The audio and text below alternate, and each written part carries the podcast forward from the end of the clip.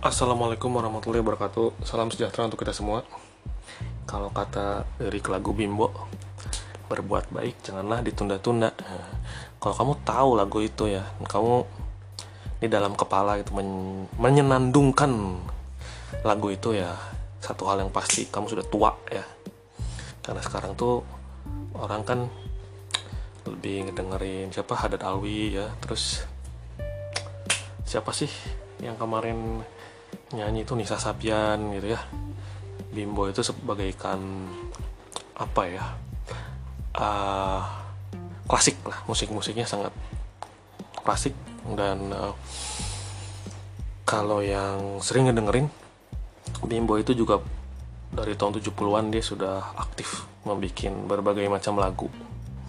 Dan kalau tahu lagu Melati dari Jayagiri fix Anda tua tapi kali ini saya nggak ngomong bahas Bimbo yang legendaris.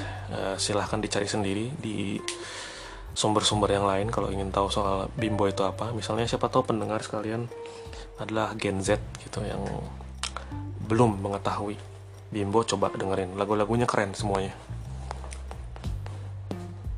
Jadi topik kali ini adalah seperti liriknya lagu Bimbo, berbuat baik janganlah ditunda-tunda dan ini kesukaan orang Indonesia kan? Konten yang penuh dengan pesan moral. Pakai asterix di atasnya. Pesan moral yang positif. Uh, kurang baik apa saya coba gitu. Ketika podcast podcast yang lain itu sok open minded gitu. Sok terbuka sok liberal gitu. Ini saya benar-benar pesan moral ya kenapa? Karena saya hidup di Indonesia bukan di Rusia dan ini adalah konten yang kalau bahasa Inggrisnya timeless ya tak lekang dimakan oleh waktu gitu. Mau musim durian musim kedongdong musim mangga musim rambutan tema berbuat baik itu adalah tema yang timeless ya. Tidak terikat pada kondisi situasi politik apa pun ya. Mau misalnya hidup di kerajaan Singosari juga tema ini timeless gitu. Seringkali kita menjumpai gitu orang yang berbuat baik karena ada maunya gitu. Dan orang ini tuh menyangka bahwa dia sudah berbuat baik gitu. Padahal kan eh, logikanya amat sangat sederhana gitu. Kalau kamu berbuat baik karena ingin dianggap gitu ingin mendapatkan balas budi atau ingin dicintai oleh objek penderita objek penderita like objek yang kamu berbuat baik itu ya berarti kamu aslinya nggak baik gitu kalau bahasa Inggrisnya kan if you expect something from being nice you're not nice. Ya hampir sama lah ya. Dan entah ini apa anggapan yang umum atau terjadi di kota besar kota kecil atau di negara mana gitu.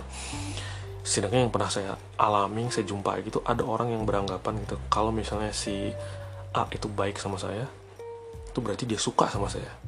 Dan itu saya kasihan sih sebenarnya gitu seberapa fakir asmaranya dia gitu. Sampai ketika misalnya dip, uh, dipinjemin pulpen atau misalnya ditraktir kopi atau misalnya dibantuin pindah kosan gitu langsung otomatis berpendapat wah dia fix lu suka sama gue. Padahal kan belum tentu gitu.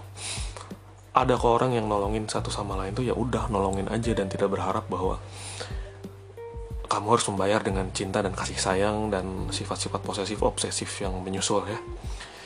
Kalau berbuat baik itu syaratnya adalah harus mencintai dulu ya repot dong namanya dokter perawat gitu. Kalau ada pasien kecelakaan masuk unit gawat darurat ketika dia mau menolong dia berhenti dulu. Wait tunggu dulu. Saya harus jatuh cinta dulu sama orang ini untuk menolongnya. Ya nggak gitu juga mainnya ya nggak? Tetap aja kan kamu celaka misalnya masuk rumah sakit langsung ditolong kan gitu. Jadi betapa anggapan bahwa wah ada orang baik sama saya itu pasti saya pasti dia naksir sama kita itu adalah anggapan yang destruktif ya. Karena itu bisa merusak pertemanan gitu. Bisa jadi orang yang hmm, nolongin kita itu tulus cuma nolongin tapi kitanya tuh melemparkan berbagai macam asumsi supaya dia seolah-olah sesuai dengan uh, gambaran yang kita inginkan padahal belum tentu gitu. Dan di sisi yang lain juga belum tentu orang nolongin tuh bener-bener tulus gitu. Ada yang karena emang dia ada maunya gitu. Ya dan seperti ini kan sebenarnya bisa di bisa dilihat gitu. Apa? Orang tuh tulus apa enggak itu sebenarnya bisa di, bisa dilihat dalam satu lini masa gitu. Kalau kita mengamati orang tersebut secara nyata gitu ya nggak hanya lewat pencitraan media sosial ya. Misalnya kita ngelihat gitu kalau orang ini tuh cuma baik ke kita cuma traktir kopinya ke ke kita. Misalnya contohnya ya atau dia minjemin buku cuma ke kita atau dia ramahnya berlebihan ke kita tapi sama orang lain biasa. Nah bisa ditengarai bahwa orang itu emang ada maunya gitu. Tapi kalau ternyata kamu ditraktir kopi sama dia tapi dia juga traktir kopi teman-temannya traktir kopi tangganya adiknya ya berarti emang dia niatannya murni aja cuma mau mentraktir kamu gitu. Dan mohon maaf ya rumusan fisika dari mana gitu kalau kamu berbuat baik sama seseorang tuh harus dibalas dengan orang itu mencintai kamu gitu. Dari mana sih gitu? Dan rumusan fisika dari mana juga gitu kalau ingin orang suka sama kita maka kita harus berbuat baik sama dia gitu. Harus misalnya ketika dia kesulitan kita nolongin dia abis-abisan gitu.